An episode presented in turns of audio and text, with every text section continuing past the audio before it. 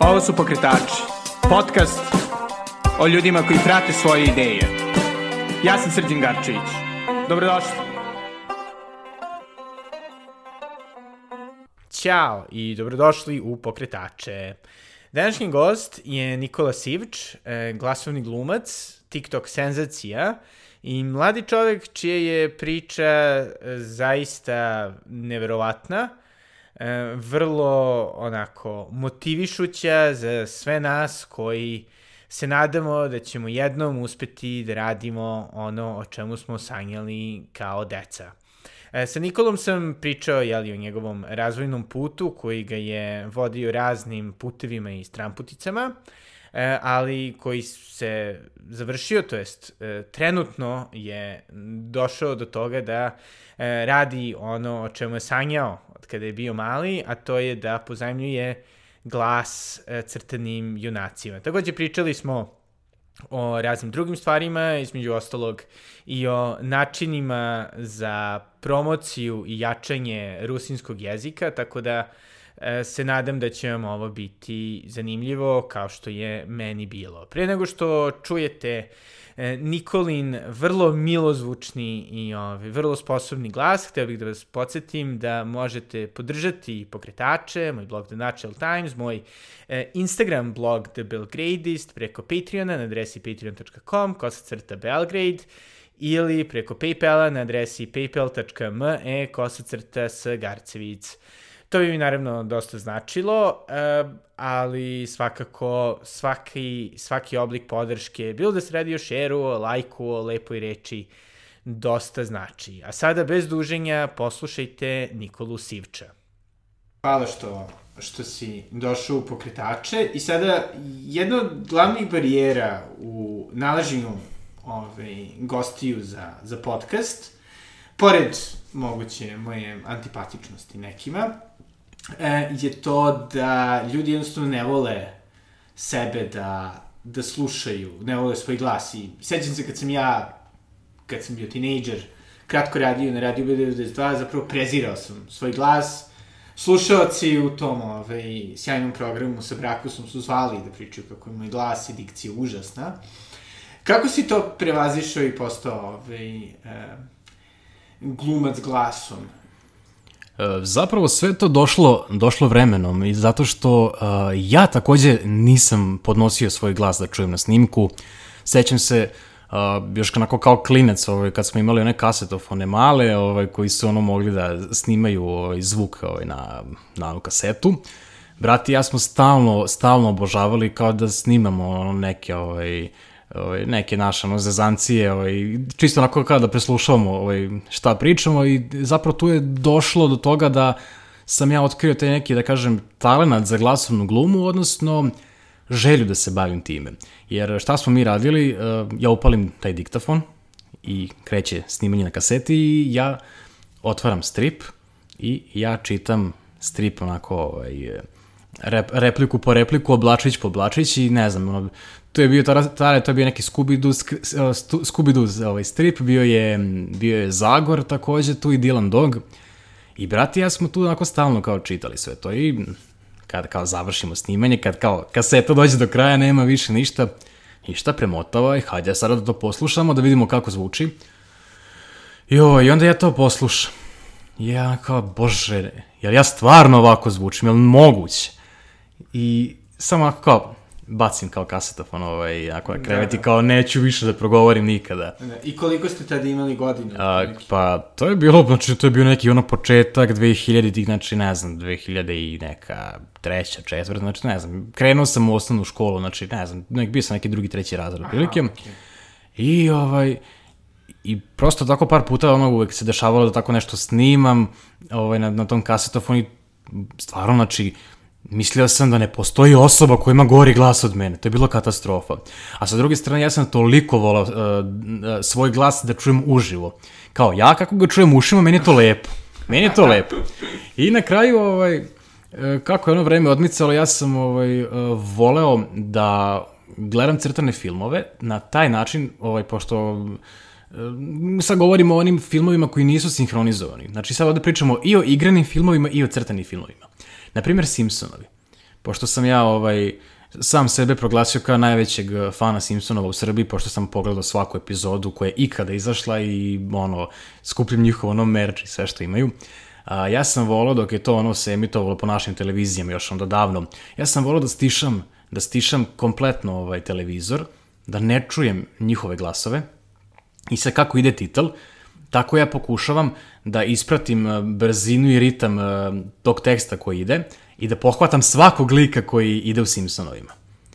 I tako sam ja kao skonto kao aj sad da probam da promenim malo glas, ovaj, kao sad da, da pričam kao Bart, kao Lisa, kao Marge, kao Homer i sve. I da sam tu kao skontao, ja mogu da menjam glas. Kao, wow, ja ovo mogu. Naravno, nisam mogao tada ni da priđem ti nekim originalima, ovaj, ali sam opet shvatio da imam taj neki kao raspon. Opet, kao neko dete od 10 godina, mogao sam samo tada da maštam ovim stvarima ovaj, što se tiče kao glasovne glume i svega ostaloga. A ja sam, ja sam baš generalno jako rano se uh, krenuo interesovati za to, zato što meni je bar lično bilo zanimljivo, za razliku od nekih mojih ono drugara iz škole, kad ne znam, vratimo se ono, vratimo se iz škole ili se dogovorimo uveče, ne znam, kao gledamo, gledamo neki crtači koji ono se tada emituju. Ja sam uvek čekao uh, završnu špicu, jer je mene zanimalo ko su ti ljudi koji stoje iza tih glasova. Aha. I onda sam ono, tako ono tu pročitam, ovaj, ono, mislim, to, mislim, to je to ono krenulo od samih ono ninja kornjača, ono kada čuješ ono glasovi, ono, Nikola Simić, Nada Blam, Nada Blam, Goran Kričković je preveo i drd, i te, ja te, ja te ove završne špice znam na pamet, ono, počeš od tih ono legendarnih sinkronizacija uh, sa televizije Beograd, pa onda uh, same te neke sinkronizacije sa RTS-a, B92, pogotovo koji je ostao kultan u nekom tom mom detinjstvu, ovaj, na, na, naročito taj B92. I onda, ovaj, kasnije, kada je krenulo doba Facebooka i svega ostaloga, ja sam, ovaj, da ne gledao crtači, da danas i gledam. I često sam tražio te ljude po Facebooku, jer me je samo zanimalo kako izgledaju ti ljudi koji daju te glasove. Pogotovo, recimo, meni je uvijek bila večita enigma kako izgleda Vladislava Đorđević koja daje glas Unđer Bobu. Jer je meni bilo nerealno da takva osoba postoji sa takvim glasom i kao ne mogu da vizualizujem u glavi kako ona izgleda. I kako a ona je bilo se, kad si saznao? A ona se godinama, godinama krila i ono, mislim, nije namerno izlazila na televiziju baš zbog tih stvari, no da ne bi neku iluziju deci narušavala, to je čak i jednom intervju spomenula. I jednom se desilo da je, ne znam, ja već je prošlo dosta godina, uh, mislim da je Mondo ili ne znam, ne, neki YouTube kanal je ovaj, za svoj portal uh, snimio intervju sa njom. I ja kao, kliknem da vidim kao šta se to dešava i kao, bože, ona ovako izgleda, konačno kao nikad ne bih rekao, ovaj, jer ono kao bukvalno glas koji ti čuješ u crtanom filmu je potpuno prirodan, ovaj, neki, za što se tiče nekih drugih likova koje ona igra. I meni je to bilo fascinantno da neko sa svojim prirodnim glasom glumi, ja sam ranije mislio kao gluma glasovna je samo kada ti karikiraš i onako menjaš glasove na neke načine koje ono umeju da umeju da, da, da štete ušima, otprilike ono kada čuješ, to se čuju nekim, da kažem, nekim ono malo niskobudžetnim sinhronizacijama koje su ono išla na onim uh, eh, DVD izdanjima koje kupiš za 99 dinara na trafici koje su ono bili popularni 2000. godina. I uglavnom, kako je vreme prolazilo, ja upisao srednju školu i uh, često sam ovaj, tada već krenuo da budem aktivan na radio televiziji Vojvodine u tom nekom kao, da kažem, školskom programu, gde opet taj svoj glas, eh, kad čujem, mene prosto bude sramota, kao, Aha. ne sviđa mi se. To je i dalje bilo samo audio ili... Da, kao... pa, bilo je i audio i video, Aha. kad smo krenuli, kad smo krenuli ovaj, ovaj, te neke stvari na RTV-u, prosto uvek bude neki prilog sa tobom i meni kao lično bude neprijetno, kao kad čujem kako zvučim i sve ostalo. Uh, Da, pritom im utira glas. Da, to je, to je tada tamo krenulo to neko, ono, taj neki period puberteta. I na kraju, ovaj, uh, moj prvi, prvi susret sa sinhronizacijom je već bio u srednjoj školi, ali to nije bilo, da kažem, profesionalna sinhronizacija, već uh, neprofitna, amaterska, ili što bi se u internet žargonu reklo kada bi pretraživo na YouTube ili gde god, to se kaže, to se kaže fan dab. Aha. Odnosno, skupi se ekipa ne, fanova nekog, nekog serijala koji nema sinhronizaciju na svom jeziku i onda oni podele ulogi međusobno i odrade tako ovaj, neke crtane filmove. I ja sam tad imao 15 godina, 15 godina kada sam bio dosta aktivan na jednom forumu uh, koji je bio posvećen isključivo animaciji i crtanim filmovima. I to je bio domaći forum. Da, da, dom, domaći forum, bukvalno crtači Orgon. Nažalost, mislim da više nije toliko aktivan kako je nekad bio, jer većina, većina naših članova već onako odraslo i nema više vremena da se posveti tome i ovaj, ponekad ono neki moderator i dalje bude tamo, ali ni, ništa se ne dešava, nema, ni, nema nikakve spike, ničega. Svi su na Twitteru. Da, da, svi smo prešli na Twitter ovaj, u ovo moderno doba. I na kraju, na kraju, tu je bila jedna sekcija koja se zvala Fandab ovaj, na tom forumu i mi se tu kao okupimo, kao pričamo, kao koliko crtača se zapravo ne emituje kod nas koji su ono kao dosta dobri, a želeli bismo da ih uh, čujemo na srpskom. I kao, ajde, ajde kao da napravimo neki kao naš casting, da nađemo neko ko može da radi takve stvari, pa ajde da probamo. I bila je tu jedna osoba koja je nas bila zadužena kao za prevođenje i pošto su to opet bile neke te, kažem, neprofitne amaterske sinhronizacije, nismo mi imali, nismo mi bili takav kapacitet da mi sad odradimo cijelu seriju, nego odradimo, ne znam, dve, tri epizode i to je to otprilike od nekog serijala. Aha, I koji je, koji je bio prvi, da ste pokušali? Prvi serijal na kom sam ja tada radio bio je uh, stari Cartoon Networkov klasik iz 90-ih, uh, Courage the Carol the Dog. Aha, ne sjećam se. To je, mislim, to je bukvalno... Iako sam generacija koja bi hipotetički to mogla da gleda, ali... To je ono generalno tada bilo znači, isključivo na kablovskoj, samo na engleskom, na pitanju je neki ono roze pas i, ovaj, koji živi s nekom babom i dedom, ali to je generalno sad kao smatra se jednim od tih kao a, klasika Cartoon Network animacije i moja uloga tu bila da ovaj, bio, sam, bio sam mačka koja je bila vlasnik hotela, jedan od glavnih negativaca kao u cijeloj toj seriji. I to je se počelo tako što sam ja kao snimio neki svoj demo kao koji sa njima posli, koja njima se to svidilo kao, kao za te godine koje ti imaš, kao ovo je fenomenalno, kao ajde da radimo i sve. I stvarno mi smo toko snimali to, pa onda među tom nekom generacijom bilo je jako mnogo uh, fanova uh, japanskog žanra anime ovaj, serija. Dobro nije hentai. Hentai za sada nije, ali već, ali bukvalno, bukvalno sam rekao ljudima, bukvalno, sad, kad, sad kad se vratimo na, na sadašnjost, ovaj, Ako treba ono kao sinhronizovat ću i tentacle porn, hentai šta god samo da je plaćeno, kao ja sam otvoren za sve. Ali ovaj... Počujte, čujte i počujte. Da. Pozicija otvorena. Harmi.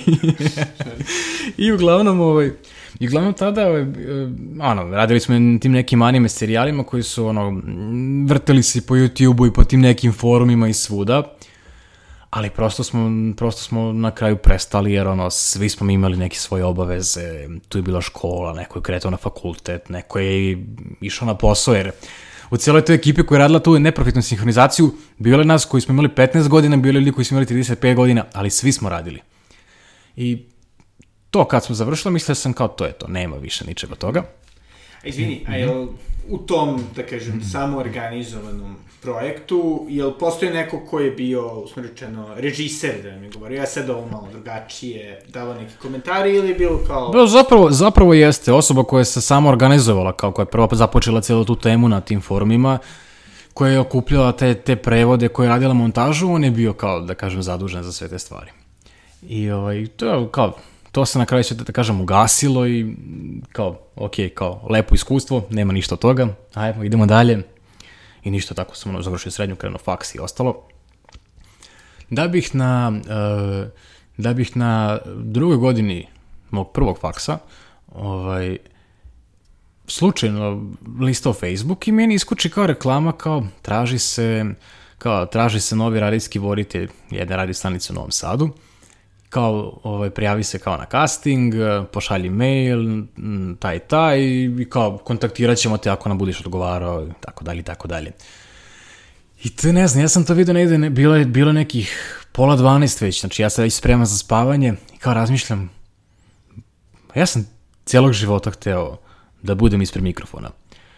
I da li je kao sad vreme ili nije, opet sad kao nemam tih 15 godina, ali imam 20 da li probati, da li ne, hajde ništa me ne košta da idem na taj casting. Ja se stvarno prijavim, meni oko 4 sata stigne u toku noći mail od direktora kao, kao Nikola dođi na casting u subotu u 10, kao vidimo se i to je to. Ništa nije rečeno, da li mi spremamo nešto za taj casting, da li, da li ovaj, treba da dođemo spremni ili ono kao dođeš na blef pa šta bude. I na kraju, mi smo stvarno došli nas, nas desetak i ono sad da ne dužim, ovaj, ja sam primljen na taj radio samo zbog eh, boje glasa. Ali mi je odmah eh, prvog dana rečeno, Nikola, tvoja dikcija je katastrofalna. I to, na tome moraš da radiš. I stvarno, uh, imali smo kompletnu radijsku obuku, ono koju je držao, koju je držao Urš Bogdanović, nekadašnji voditelj sa Indeks radija od iz Beograda. O, I on je generalno, ako se ja dobro sećam, on je držao te radijske obuke u svim zemljama regiona, čak i negdje u Evropi, ovaj, jer je donosio taj neki uh, novi evro, evropski format ovaj, radija na naše područje, koja ja, ja iskreno nisam neki ovaj, fan tog formata, jer taj format je ubio radio u smislu uh, imaš kratki govorni segment i onda ide nekoliko pesama, pa onda imaš još jedan govorni segment od dva minuta i onda kreće, ne znam, 40 minuta muzike bez reklame, kao to je to, nema više nema više tih ono kao emisija, razgovora, to je ostalo eventualno na radio u Beogradu i kao to je, otprilike to je eventualno radio Novi Sad, ali sve ostale komercijalne radio stanice se baziraju na što više prodatih reklama i to je to. I opet, znači, jedno sam ja, da kažem, ušao odmah u tu neku ono komercijalniju, komercijalniju varijantu gde sam morao da se prilagodim tome da ja u tih nekih dva minuta moram da kažem sve što imam, što se tiče tog nekog radijskog brejka, pa smo imali kompletnu obuku kako napisati radijski brejk od tog nekog openera do glavnog dela. I meni je ovaj, drugarica jedna sa ovaj, Akademije umetnosti i još jedna drugarica koja je išla ovaj, na sekciju glume u kulturno-umetničkom društvu Sonja, ovaj, našem univerzitetskom. Oni su mi pomagali da, da kažem, savladam te neke ovaj, trikove za dikciju od počevši od, ne znam, naguravanja gomile kikiriki ili lešnika u usta, pa pričaš kroz to, pa onda, ne znam, uzmeš komad, uzmeš železeku ili ni ratluk, šta god, zagrizeš ga i onda pričaš kroz zube, i trudiš se da svaka reč, e, kao što sada upravo govorim, ovaj, zvuči. I onda naravno krenulo, bilo je tu njih ovaj, vežbi kako da, e, kako da pričaš kroz stomak, jer kao glavna stvar koju smo naučili da svako slovo zaslužuje da bude izgovoreno u programu. I zato treba onako pričati ono kao kroz e, stomak, kroz dijafragmu i sve ostalo. jer kao prvo što su nas naučili, nikad se ispred mikrofona ne kaže A ili O, to je pričanje iz grla, već moraš osetiti tu neku vibraciju i onda ispred mikrofona čuješ A i O.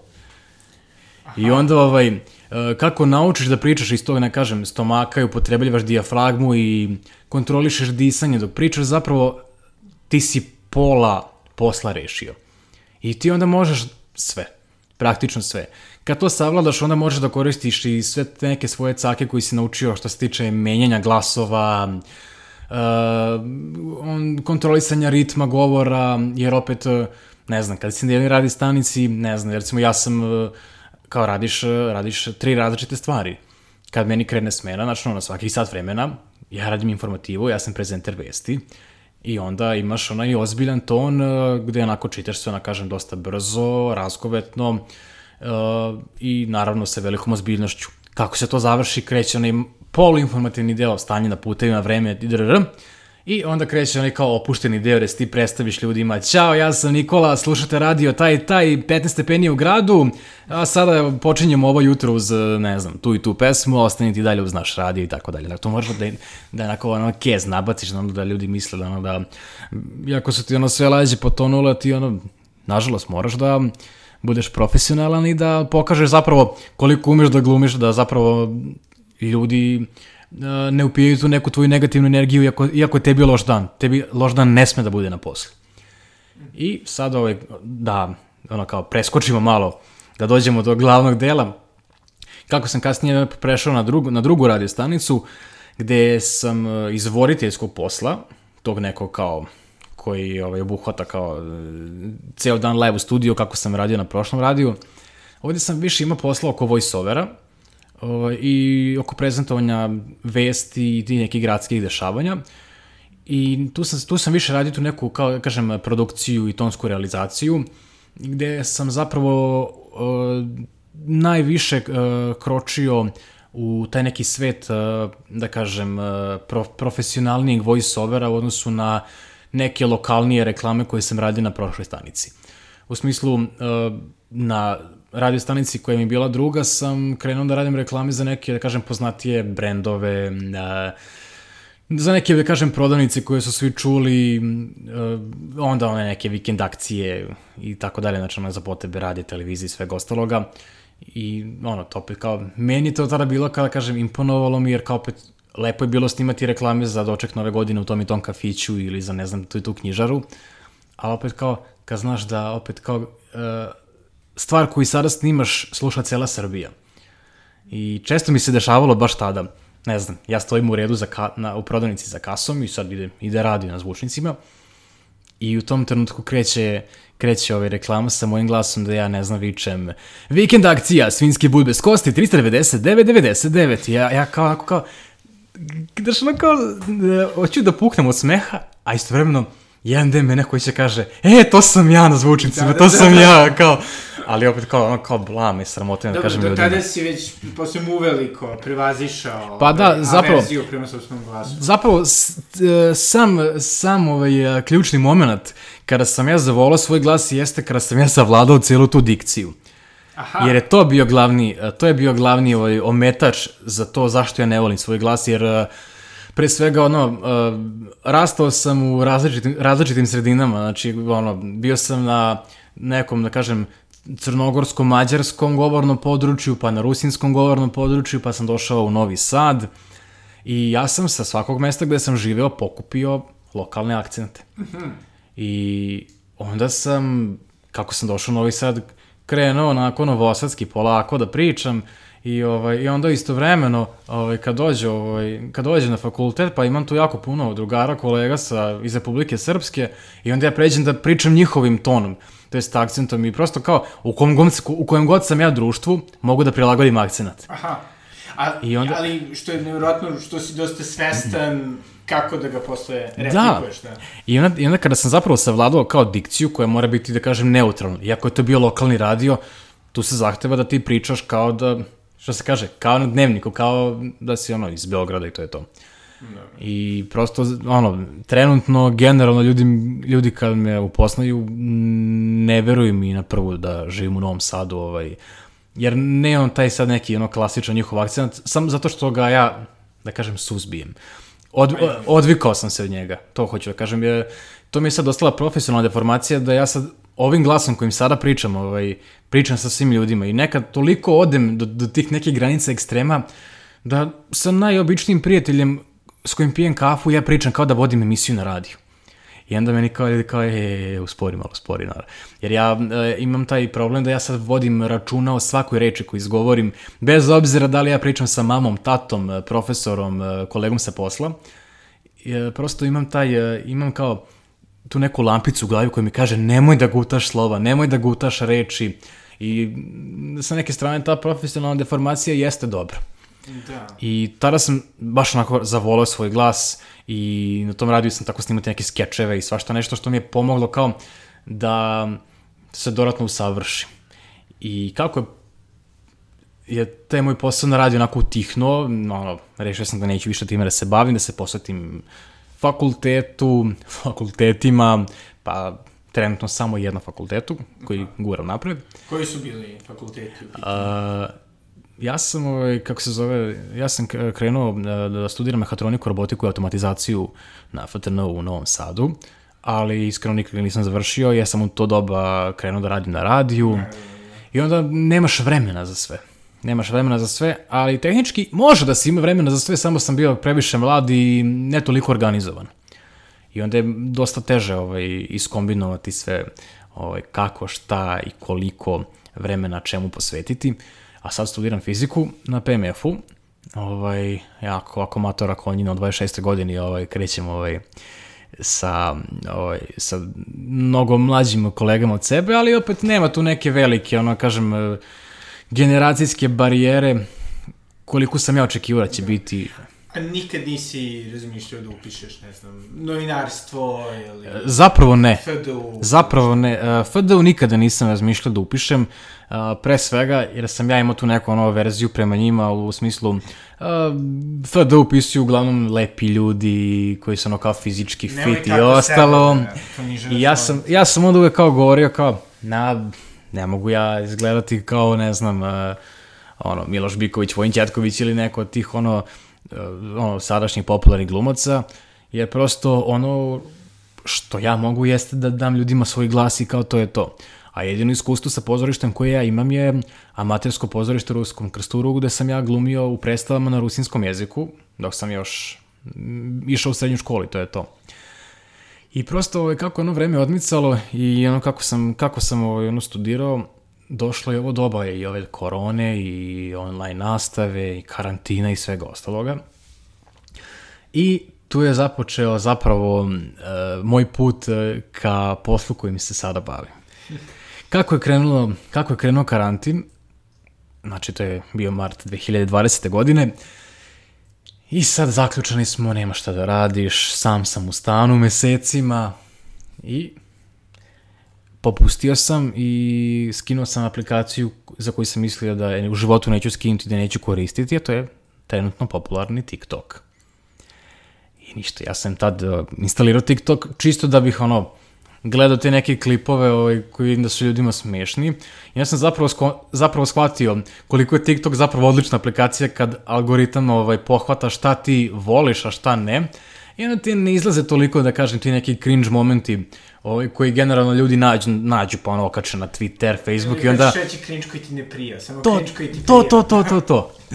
I, ovaj, I onda je prosto ono, kad, kad TikTok nauči da ti voliš da gledaš ono, ne znam, kuvanje, putovanja, uh, kućne ljubimce ili između oslog, ja pratim veliki broj stranih uh, glasovnih glumaca koji rade te ove glasovne interpretacije voice impressions popularni i ja sam onda kao u tom karantinu odlučio kao, ajde snimit ću ja to.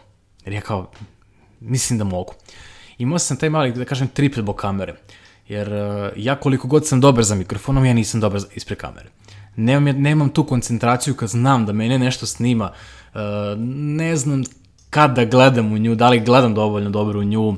I opet, uh, ta misa u glavi kad je kamera ispred tebe malo te dekoncentriš, ali kao probio sam led. Da. Što inače, ovaj, da čisto objasnim, e, pratiocima pokretača glavni razlog zašto je ovo isključivo audio podcast i nikad neće biti na YouTube-u sa videom. To sam ja rekao, ono, ako bih ikada nešto pokretao u budućnosti, to jedino mogu biti podcast gde nema kamere. Mislim, vidim, vidim sad da, ono, popularno je da podcast ima i svoju video verziju, kao što, ne znam, imaju mnogi ono stranci, ali i naši, ovaj, e, naši ovaj, podcast kreatori. Da, izvini, prekidao sam te. I, dobro, i krenuo si da snimaš na TikTok. Da, da, da. Ovaj, ja sam to kao gledao to i odlučio sam kao, a, snimit ću nešto, ali za YouTube. I ja sam sebi napravio spisak crtanih likova, čije ja glasove znam da skinem u originalu. I ja tu onako napravim spisak i ono, krenem snimanje.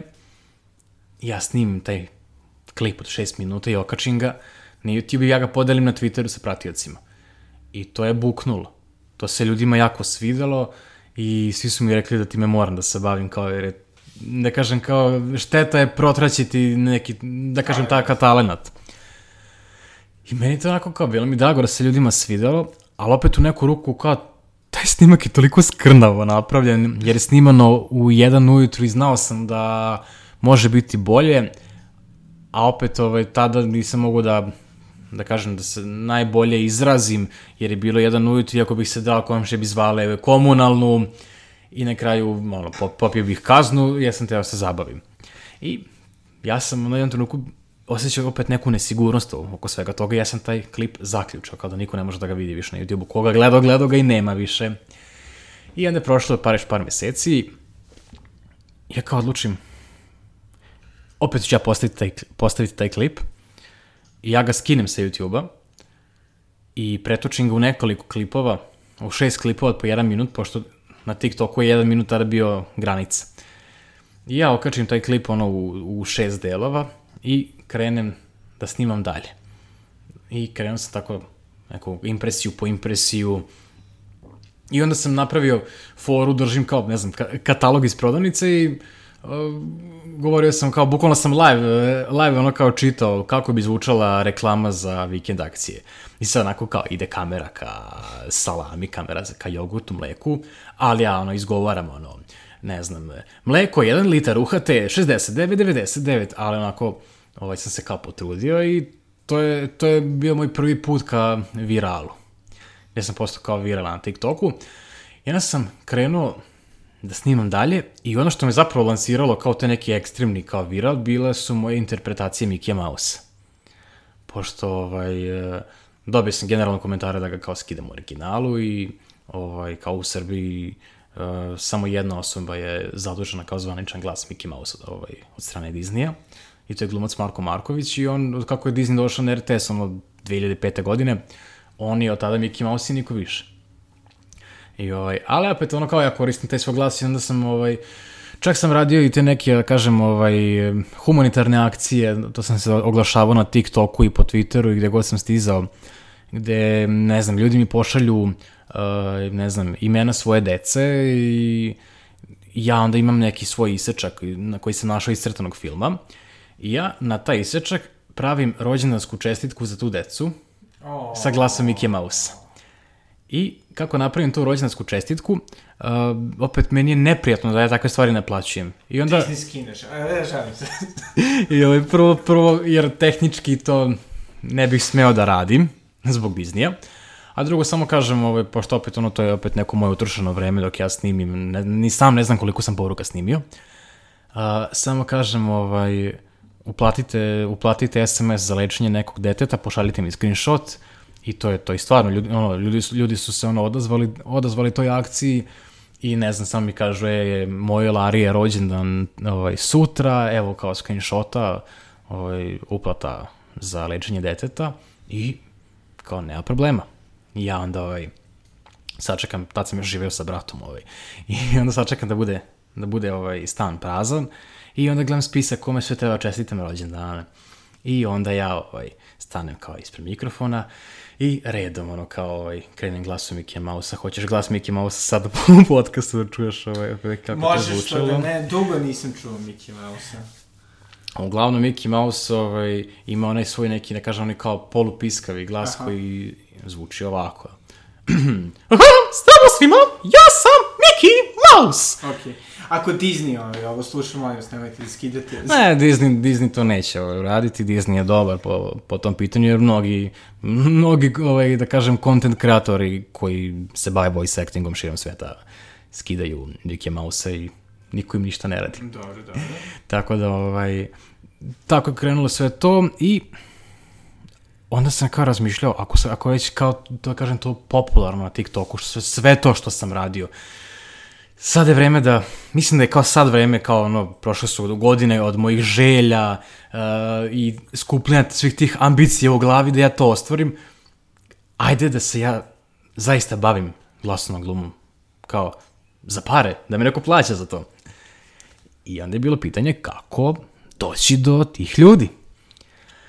I pošto sam onda, naravno, koristio moć interneta da saznam koji su, koji studiji su aktivni za ovaj, sinhronizaciju u Srbiji trenutno i onda sam gledao koje su trenutno, da kažem, naj, da, ne mogu reći najprofitniji, ali koji imaju najviše posla ovaj.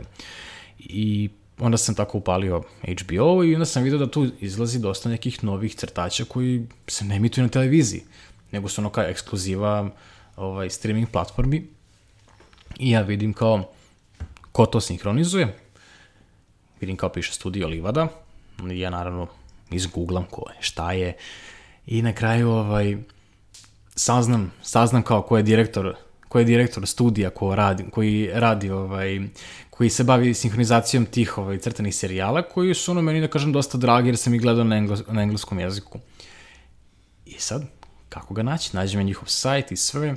I zapravo, svoju, svoju veliku zahvalnost uh, ovome što sam ja sada postao dugujem, uh, dugujem uh, pevaču, uh, to jest reperu iz uh, benda, to jest grupe Bad Copy. Uh, Timbe mi je jako pomogao u svem ovome, u smislu uh, isprati, isprati ove, šta sam sve kači i sve ostalo i znao je da hoću da se, da se povežem sa studijom, da radim i sve ostalo. I meni je Timber rekao, rekao mi je da može da me poveže sa tim ljudima, čisto, ovaj, ne u smislu, e, dobit ćeš posao preko veze, nego kao, eto, mogu, mogu te povezati sa njima, pa ako im se dopadaš, dopadaš, ako ne, ne, i to je to. Ja onako razmišljam, to je već, mislim, već je prošla ponoć kad smo mi kao kuckali se to, oko, oko toga. Ja rekao, može, ajde. I ja, ništa, ja dobijem mail, dobijem sve.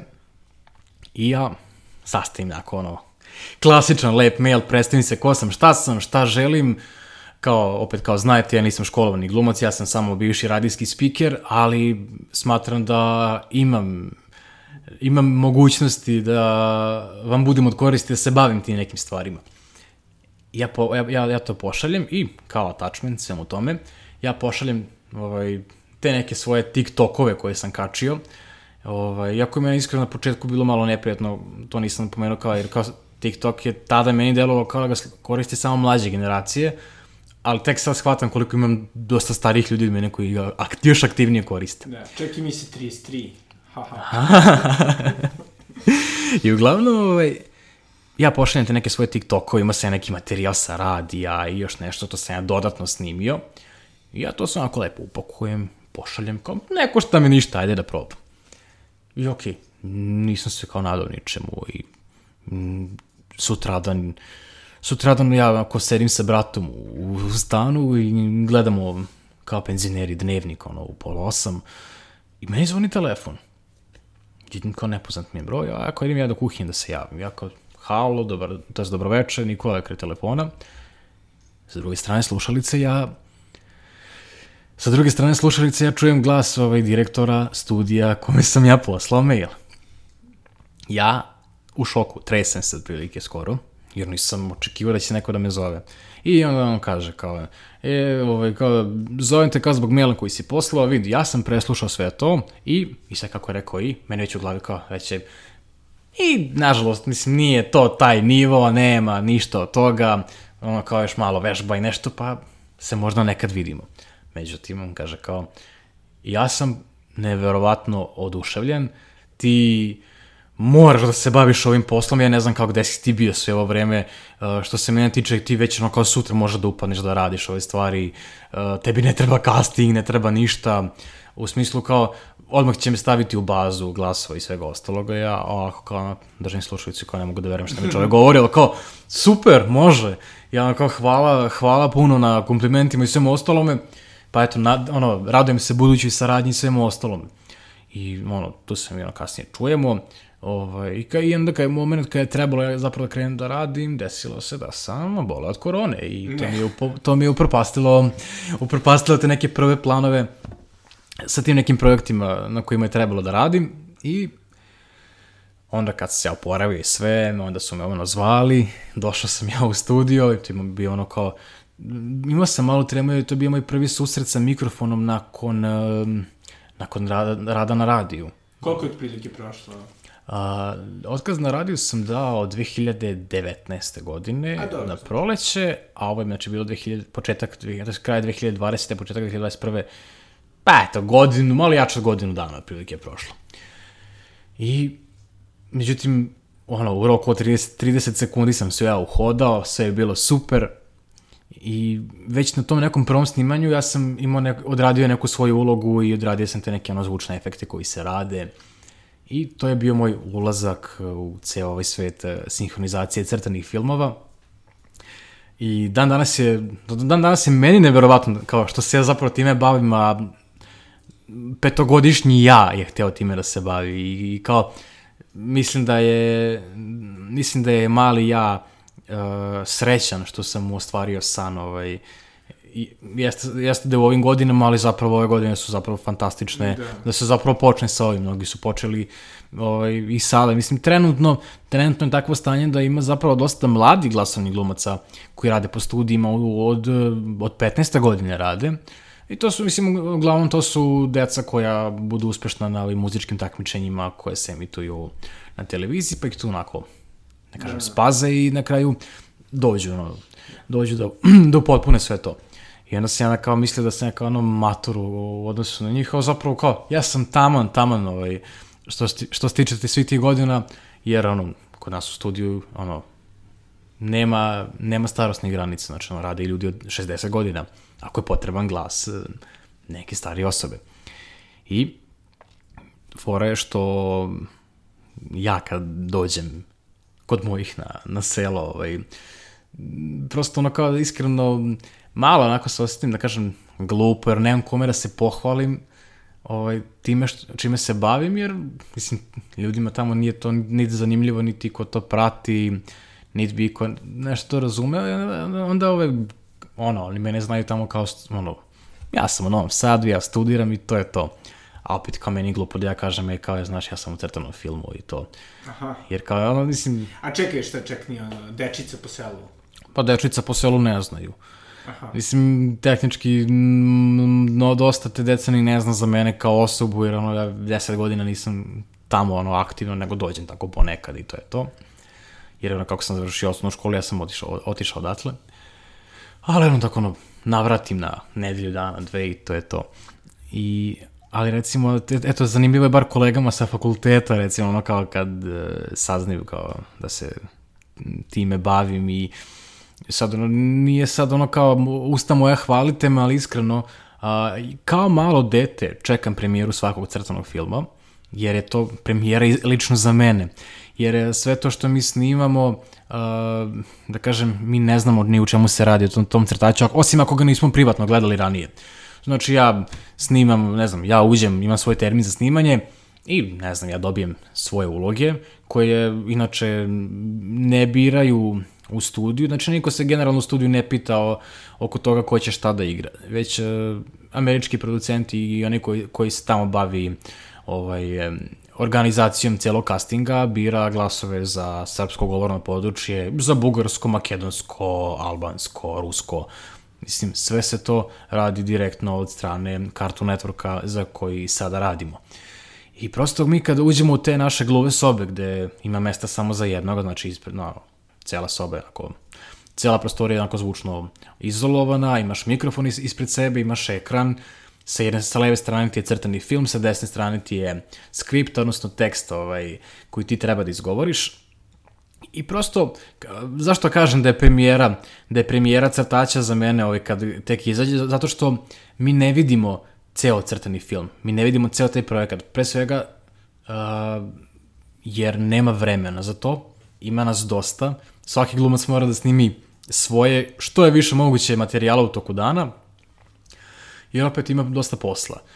Sa druge strane, sve to u današnje vreme, mislim, može se nazvati hiperprodukcijom, jer uh, prosto tvoje, znači da ide scena sa tvojim likom, ti pročitaš taj lik, ono, mislim, odglumiš ga kako treba, da ti ne kažu je kupljeno, može, i ti automatski, tvoj lik je na prvom minutu, pa sledeći put je tvoj lik na treći minutu, pa ti se prebacuješ na tu scenu, pa to snimiš, pa prebaciš se na treću scenu, četvrtu, petu, sedmu i ti prilike znaš samo ti neke isečke gde si ti to je to. A šta se, šta je tema crtača, o čemu se radi, ako ga nisi gledao privatno, nemaš predstavu. I onda često, onda se često dešava da, ovaj, tako, kad izađe neka premijera, opet treba vremena da, da to izađe. Recimo, ne znam, crtači koje smo snimali u aprilu su izašli tek pre dve nedelje, na primjer.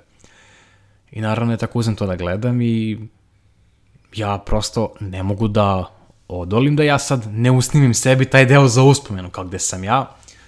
I ajde ono kao bar okačim, kao pohvalim se kao na Facebooku, ovaj, čisto to, ono, nekome će možda biti zanimljivo. I ovaj, vidim da imam, ima, po, imam, da kažem, pozitivan odziv na te stvari koje kačim, jer su onda tek ljudi ukapirali zapravo kao čime se bavim i meni je kao, da kažem, ono, provincijskom detetu koje ovaj, radi sa glumcima koji su ono sa FDU-a koji se time bave godinama. Ovaj, meni to onako, da kažem, dosta imponuje i nekako uh, kako se bavim ovim generalno za uh, dobio sam mnogo, mnogo veću količinu, sa, količinu samopouzdanja što se generalno tiče celog života. Da. Jer sam mislio, za mnogi stvari sam mislio da ne mogu, na kraju ispostavilo, ispostavilo se da mogu. I prosto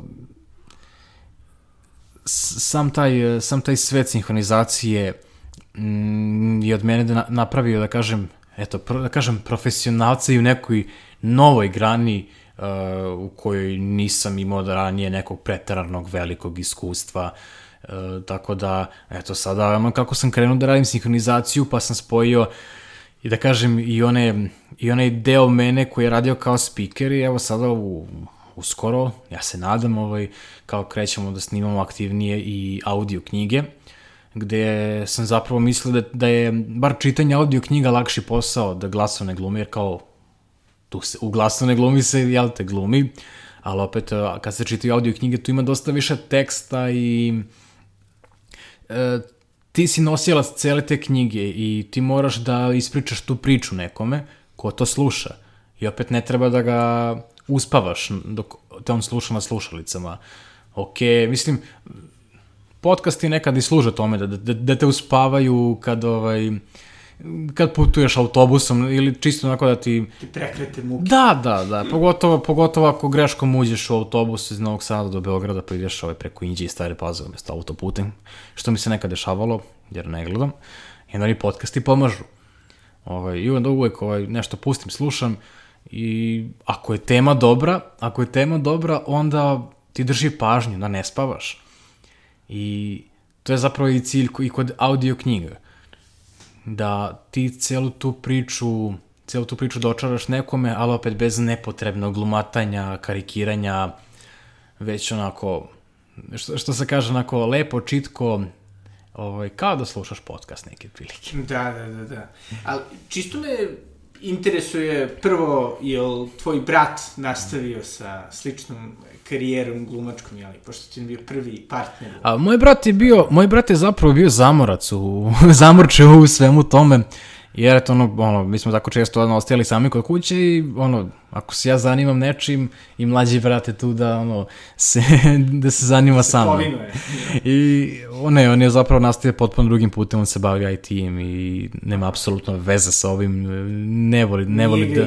Ne, ne, ne, ne voli, ne voli ove medije, ne voli mikrofon, ništa od toga ali ovaj, često, smo, često smo kao planirali da čisto da snimimo našu neku, kao što se kaže, fan sinhronizaciju u našoj režiji, uh, Patka Dača i Duška Dogoška, pošto on je jako dobar kao Patak Dača, to je jedino što ume da uradi. A ja sam, ovaj, ja sam vremenom naučio da uh, glumim Duška Doguška glasom Nikole Simića.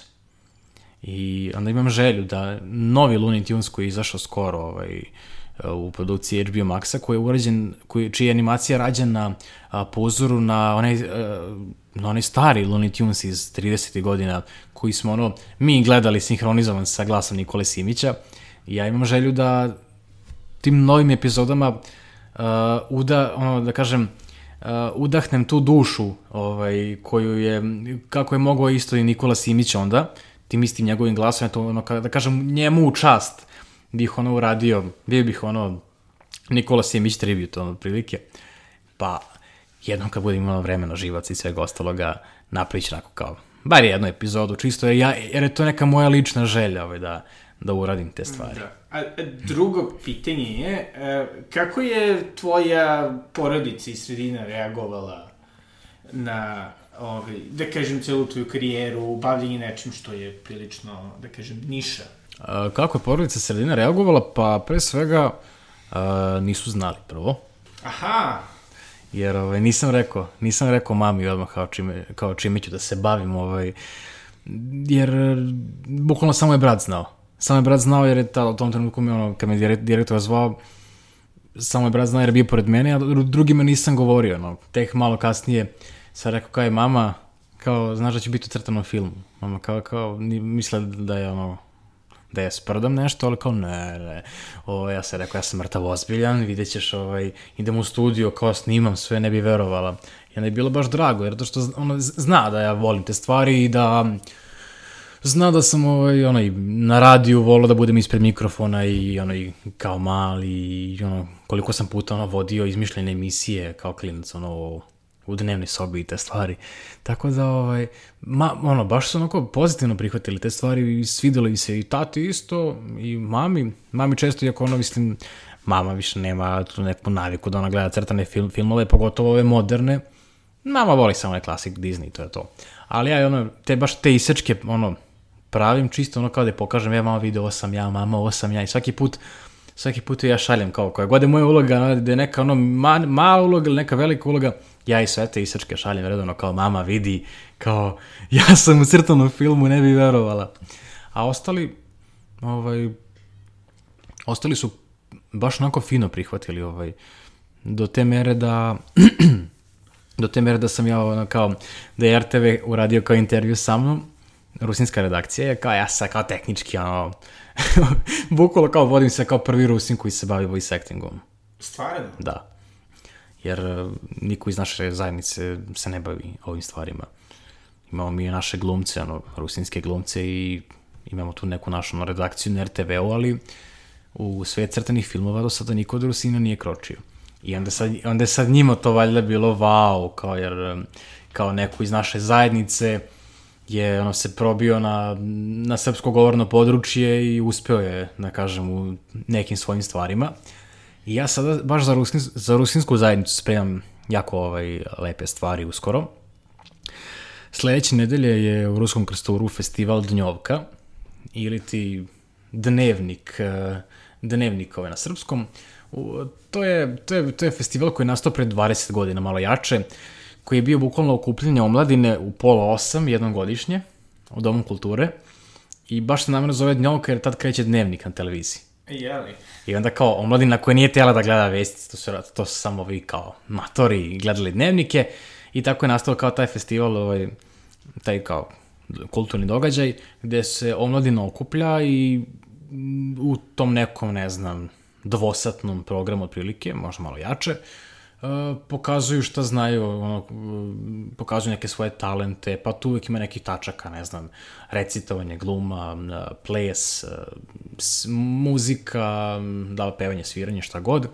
I ja sam ove godine odlučio da, eto, ovaj, kao probijem opet kao led na, na, na toj bini na koji nisam bio od srednje škole i ja ću se njima pokazati kao sa svojim glasanim interpretacijama i prilike spremam neki format kao što rade u onim emisijama tipa Britanija ima talent, Amerika ima talent, da obično dođu ti kao glasovni glumci i pevaju neku pesmu, neku popularnu pesmu i menjaju glasove, i, a iza njih, iza njih onako stoji, iza njih stoji slika osobe kao čiji glas u tom trenutku interpretiraju i to ću da uradim ja, imam kao spisak klikova koje ću da uradim, koje, a, za koje sam siguran kao da će biti onako zanimljivi i trenutno još ono kao smišljam kao koja će to pesma biti, mora biti neka ono kao da kažem popularna i koliko sam video među strancima najbolje prolazi Taylor Swift, tako da O, znači, ovi, bit će... Tako da bit će shake it off, verovatno, ili da, nešto. Da, a pritom, da, mislim, pritom, ovaj, Taylor, jeli, i nekako, ova, jesen, srednji jesen, nekako idu zajedno. Tako pa jeste, Taylor, Taylor Swift always right, što bi rekao Jake da. Peralta u Brooklyn 99 seriji. Apsolutno, i ove, i čekaj, i kada će biti Dnjovka? Dnjovka je 6. 6. novembra. A, dobro, tako da... 6. novembra, tako da ove, to će ono biti uskoro i tu ću se kao prvi, prvi put predstaviti, da kažem, i rusinskoj publici i možda ću im čak spremiti neko iznenađenje da ću ubaciti a, neke crtane likove koji će pričati na rusinskom jeziku. Da, tako da, ove, ako imamo slušalce, ove, Rusine, apsolutno idite na Dnjovku, bit će cool. A jel postoji neki drugi događaj oko festivala, mislim, oko toga događaja ili Uh, pa Dunjavka, Dunjavka obično uh, predstavlja finale Kostelnikove jeseni. Kostelnikova jesen je kulturni događaj koji se uglavnom uh, bazira na, na književnosti i drami, gde gostuju, gde gostuju uh, domovi kulture, neka amaterska pozorišta sa nekim svojim predstavama i takođe tu ima nekih, ono, mislim, večeri poeziji i sad ne bih, ne bih sad tačno znao jer nisam već, ono, dugi niz godina u svemu tome, ali obično kao ta dnjoka predstavlja, da kažem, finale te Kosteljnikove jeseni, a Havril, a Havril Kosteljnik je zapravo osoba po kojoj ta manifestacija nosi ime, a Havril Kosteljnik je zapravo zadužen za kodifikovanje rusinske azbuke u Vojvodini, odnosno on je jedan od, e, pored Mikole Kočiša, jedan od osoba koje su pre skoro 100 godina, možda čak i više, baš s istorijom nisam najbolji, je, da kažem, ono kao kodifikovo, e, je sada panonski, rusinski jezik vojvođanskih Rusina i njemu u čast mi imamo sad te festivale. Generalno, generalno, ako Rusini nečega imaju previše, ali nikad nije zapravo previše, to su kulturni događaj i folklor i sve živo. Super da definitivno ovaj treba, treba ići pogotovo sada. To, a meni je uvijek bilo, mislim, sad izvini što te prekidam, ali to kad sam, kao, kad sam pomenuo rusinski jezik i ovo čime se sad bavim, meni je jako, jako velika želja uvijek bila da mi imamo naš crtani film neki sinhronizovan na rusinski jezik. A toga još? Toga nema, toga nema, nažalost. Ja sam, i, ja sam čak i pokrenuo kao srednjoškolac, kad sam, ja, kad sam te pričao, kad sam se bavio onim forumskim sinhronizacijama, ja sam bio pokrenuo jednu akciju, ajde da se mi kao koji se bave nekom amaterskom glumom u, ono, na rusinskom govornom području kod nas, hajde da se mi organizujemo da mi snimimo bar jednu epizodu nečega, pa da, da se to, ne znam, emituje na nekim našim emisijama, na RTV-u ili negde, I ja naravno kao izabrao sam neki kao Disney ovaj kao crtač kao koji bi bio onako da kažem dobar i ja sam onako odradio, već krenuo da prevodim kao i skript na rusinski i imena im prilagodio kao rusinskim imenima i logo sam čak napravio crtače da bude na rusinskom i sve, ali naravno Nikola je bio mlad, lud i glup, sa 15 godina, nije znao šta su autorska prava, nije znao, nije znao koliko para treba da bi se kupila licenca za sinhronizaciju tako nečega, a, takođe nije znao da bi to RTV morao da kupi ako bi već se emitovalo tamo i nije znao koliko je zapravo sinhronizacija ekstremno skupa, u smislu to ono kao nije samo 1000 evra, to je ono jako jako velika količina novca i prosto licencu za Disney kod nas imala jedna jedina kuća, tada to je bio RTS, sada više nema niko i prosto nisam bio svestan svega toga, ali, Ali eto, nastojim, nastojim da će se uvek naći neko, ono, da li u pokrajini, da li zemlji, ko se bavi animacijom. I recimo, ja ne znam, u budućnosti vidi neki projekat koji bi bio dobar, da se, da kažem, da mi, rela, relativno mladi ljudi, okupimo i ne znam, kad bismo dobili neke novce, da kažem iz nekih fondacija, da bi, kad bi se recimo napravio jedan crtani film koji bi radili, da kažem, naši talentovani, da li studenti animacije ili već ono, svršeni diplomci, koji bi napravili, ne znam, po nekoj, nekoj knjizi koje je, da kažem, domaće izdanje, neko, neki krat, neki, neku kratku formu crtanih filmova, I onda bi recimo bilo dobro kada bi se on ono, kada bi se on snimio na srpskom i automatski da kada, kada bi se sinhronizovao na svim jezicima nacionalnih manjina u Vojvodini i Srbiji i onda imaš taj neki lep multikulturalni projekat. Jer opet na RTV-u se prikazuju crtači na jezicima nacionalnih manjina, ali to je mnogo lakše, mnogo lakše kada ti imaš crtače koji se sinhronizuju u mađarskoj, lako kupiš taj crtač, lako kupiš slovački, cr, ono, crtač na slovačkom jeziku i ne znam, na, na tim jezicima... Uh, Su veći, relativno. Koje, pa da. Rumunskom. Dok recimo, Rusini nemaju svoju državu, mi nemamo dakle da, mi nemamo dakle da otkupimo nikakvu sinhronizaciju jer ne postoji. I bukvalno ako želimo neki crtani film na našem jeziku, moramo sami da ga, moramo ili sami da ga stvorimo, ili da imamo mnogo para da otkupimo licencu, mislim, to su, to je jako, jako veliki, jako veliki poduhvat i prosto to su nerealne stvari što se tiče kupovine licence, tako da najbolje bi, najbolje bi stvarno bilo kada bi jednog dana postoji neki projekt kada mi nešto napravimo sami, da to bude domaće, ali opet u neku ruku multikulturalno. Da, da budemo ovaj, naivni, pa da se nadamo da će čak i velike ovaj, produkcijske kuće zapravo dozvoliti korišćenje, zapravo sinhronizaciju sa manjim ili nametima na jezicima koji nisu toliko zastupljeni, kao što je, na primjer, rusinski. Mislim da se to iskreno neće desiti nikada. Neće, ne, ne, ne, eto, definitivno. Da budemo, da budemo naivni pa da se nadamo. Ali da, o, o, jedna stvar koja mi je bila dosta onako draga, to je kad si rekao kako, kada si sebe čuo, video, u samo tome da si osetio nekako dosta više samopouzdanja, inače u životu i moram priznati da se to ponekad i, i meni dešava kada vidim nešto, pročitam.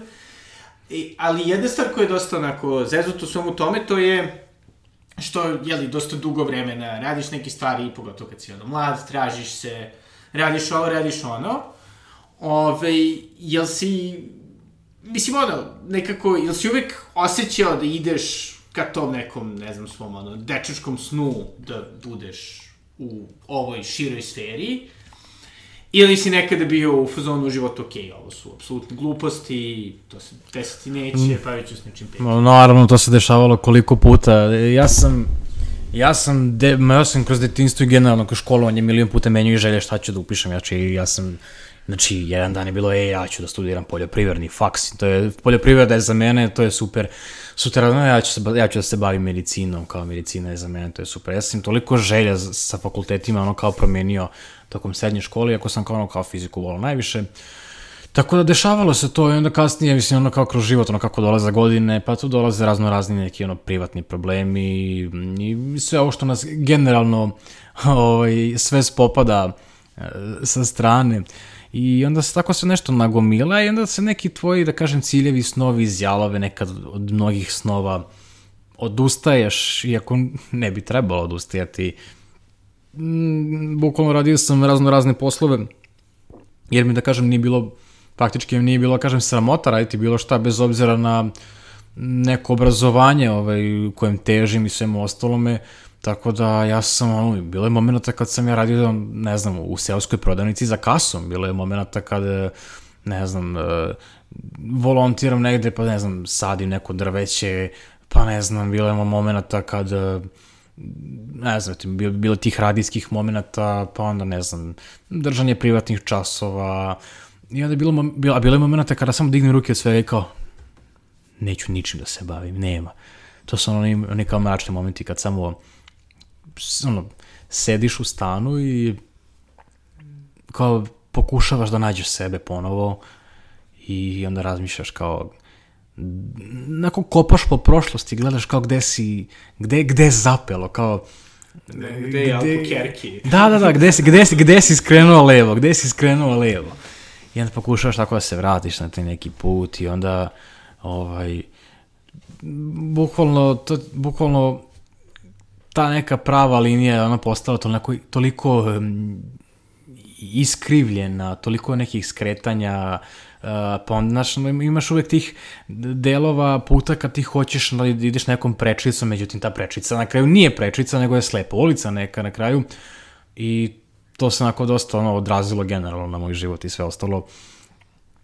A onda kao kasnije kad su neke kockice krenule da se sklapaju, uh, kad sam ja raščistio sa sobom neke stvari, onda sam zapravo kao shvatio moraš Nikola da izabereš samo par stvari kojima želiš da se baviš. I meni to generalno bio problem. Ja sam, a kako to vole da kažu nastavnici u školama, kao, Nikola je svestrano dete.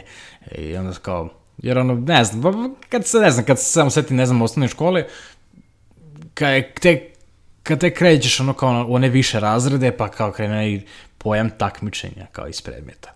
Meni su to takmičenje bila zanimljivo. Ja Nikola je hteo da ide i na takmičenje iz srpskog matematike, biologije, geografije, istorije i svih mogućih predmeta, umesto da bude pametan i fokusira se na samo jednu stvar. I to je meni predstavljalo zapravo veliki problem generalno kroz život. Ne samo to takmičenje, nego ja sam uvek hteo da budem svuda i u svakom trenutku, da radim sve. I onda je to mene onako, to mene, ta prebukirnost mene psihički umori. I onda te kad sam shvatio da, da, da je potrebno samo fokusirati se na određene neke stvari, a da prosto je tehnički neizvodljivo da ja sada budem, što se kaže, a, maestro, dobar u svemu, nego nađeš stvari u kojima si dobar, nađeš, uh, nađeš ono neku svoju zonu fokusa uh, i ako se tu osjećaš komforno, to je super. Ostaneš tu, ali opet, iako, ne znam, meni su, meni su za tre, trenutno su meni recimo sinhronizacije, kada kažem, moja zona komfora gde sam ja našao sebe, gde ja lepo to snimim, ali opet, opet sam ono uvek otvoren za neke nove izazove, kao što sad eto, krenule su to neke audio knjige, za koje, sam, za koje nisam mogu ni da pretpostavim da su zapravo toliko teške za, za interpretaciju. Meni su lično mnogo teže od eh, crtanih filmova, jer zahtevaju da ti ono, daš celog sebe kroz sve to. I na kraju, na kraju kako se pojavi neki novi izazov koji opet u nekoj, da kažem, bliskoj vezi sa onim čime se ja bavim, je zapravo, uh, da kažem, pomaže mi da, ja, da, da, da napravim bolju verziju sebe. To, to sam sad zapravo skoro uradio, sam uh, postao youtuber pre skoro mesec dana otprilike. Uh, I to za englesko govorno područje. Imao sam tu neku nesigurnost kao da li moj engleski zvuči kao tarzanski engleski, ali je dobar. I onda zapravo skontam da je zapravo sve okej. Okay. Ovaj, jer kao to, eto to je recimo da kažem, to je neki moj novi izazov uh, gde sam ja krenuo da radim. Uh, bavim se generalno promocijom uh, životnog stila digitalnih nomada, da kažem Aha. digital nomad lifestyle. Sa svojim prijateljem sam, sam ovaj, osnovao udruženje u Zagrebu, u Hrvatskoj, sada smo bili na letovanju i prosto Hrvatska kao zemlja je sada jako otvorena za digitalne nomade, uh, jer Hrvatska od 1. januara 2021 svim građanima koji nisu iz Europske unije nudi mogućnost da dobiju tu, da kažem, digital nomad vizu, odnosno Uh, kako se kaže, residence permit, da mogućnost da ostaneš u Hrvatskoj godinu dana bez da ikakvih problema. Ba, da. Ove, ovaj, jer prosto ovako bi samo tri meseca mogao da ostaneš, a kao ono uslove da ne, da ne radiš u Hrvatskoj, već samo da ono, imaš, imaš svoje zaposlenje, radiš radiš sa svojim laptopom, na, na svom laptopu za stranu firmu, ali trošiš pare u Hrvatskoj i prosto neverovatno je, neverovatan je odziv ljudi koji se za to javljaju, čak se posebna sela otvaraju i tako sam ja zapravo rešio da krenem sa projektom zvanim Be Happy Work and Travel, znači doslovno tako se i sajt zove, YouTube kanal i sve živo, i gde, gde sam ja zapravo krenuo da koristim svoj voiceover na engleskom. Aha. I to je, to je generalno moj, moj zadatak, ovaj, da ja, na tim klipovima pričam engleski, da to zvuči dobro. Mislim, radim tu i editing i sve živo, ali kao meni najviše mi, najviše mi vremena oduzme sam voiceover na engleskom, jer e, to je nešto na čemu ja još uvek radim, na tom samom pouzdanju e, da, da li, da li to nekome zvuči dobro. Iako smatram da ja kao engleski pričam super, ali znaš, ono, kao uvek, uvek imaš tu neku dozu nesigurnosti, kao da li, da li je, ja, ja, ja to zovem tarzanski engleski, kao, ali opet, kao mislim da je to kao sve okej, okay, ali uvek uh, zbog te neke doze nesigurnosti ja taj isti tekst pročitam 20 puta i da moj ono file, ono koji snimim u Audacity ili gde god, ono, traje po, ne znam, po pola sata, a u pitanju je uh, voiceover za video od 5 minuta. Tako da, ovaj... Yes, yes. Of course, very, very good, very good. To, da, ovaj, pošto inače tako ja zvučim na, na engleskom, tako da, dogod nije tako, mislim. tako, tako da, ovaj, tako da, ono, to me kažem ti, sad mi je to izazov da, pored, pored crtanih filmova, pokušam da kažem, da uspem i u tom nekom, da kažem, biznis, eh, u tom nekom biznis svetu, pa ću da probam da kombinujem i jedno i drugo, tako da to ti neki razvojni put uh, rusinskog deteta u malom mestu do ovoga što sam sada. Strava, strava, divno. I gde ljudi mogu da te prate izuzev ovaj, Be Happy Work and Travel? Uh, osim Be Happy Work and Travel YouTube kanala, uh, mogu me pratiti na mom ličnom YouTube kanalu Nikola Sivić koji trenutno tipa sadrži možda dva klipa koje, i to su neke moje, moje neprofitne sinhronizacije koje sam radio, ovaj, u pitanju je sinhronizacija na srpski uh, Rika i Mortija i otpevao sam, uh, otpevao sam pesmu iz uh, crtaća iz 90-ih u pitanju su animanijaci koje sam ja volao da gledam tada kao klinac. Ali generalno sam ono dostupan na TikToku pod uh, usernameom Sivch the Voice. I postoji i nalog Sivch Doing Voices koji ima mnogo više pratilaca, ali ja sam nažalost izgubio, izgubio sam pristup tom nalogu jer sam bio malo neoprezan kad sam registrovao sve to brojem telefona koji više nije u funkciji. Tako da sada glavnom sve, sve što radim možete pratiti, pratiti na Siege the Voice, tamo ću... Nije Siege Finale 11, yes. E, ja, iskreno, iskreno pratim ga, pratim ga na TikToku, ne mogu, ne možeš ne pratiti tog čovjeka. Apsolutno ne, da. I kako se zove, tamo možete da me pratite i uskoro očekujte još dosta zanimljivijeg sadržaja u odnosu na one koji ste mogli da pratite tamo, ukoliko me već pratite, zato što sad sam, ja da kažem, onako, napravio sam neki svoj home studio sa studijskim mikrofonom i sad kao posjedim sve ovaj, posjedim sve to i hoću ja malo da, da, da, da dam na svojoj produkciji nešto i u budućnosti planiram jedan projekat uh, u vezi sa voiceoverima, to jeste uh, audio bajke, ali ću voleti da, to je vidjet ću da angažujem neku decu u, u, u saradnji sa nekom školom. Ako ništa drugo, ako ne uspijem, crtaću ja. Ali želim da sve te audio bajke koje ja čitam budu nacrtane rukom deteta, kako on doživljava ovaj, znači sve te ilustracije. A u pitanju su uh, srpske narodne pripovetke koje smo mi mogli da čitamo kao deca, ono, ne znam, od baš čelika, biberčeta i svega ostalog što je onda išlo do nemoštog jezika, smimno doženje i tako da i tako dalje.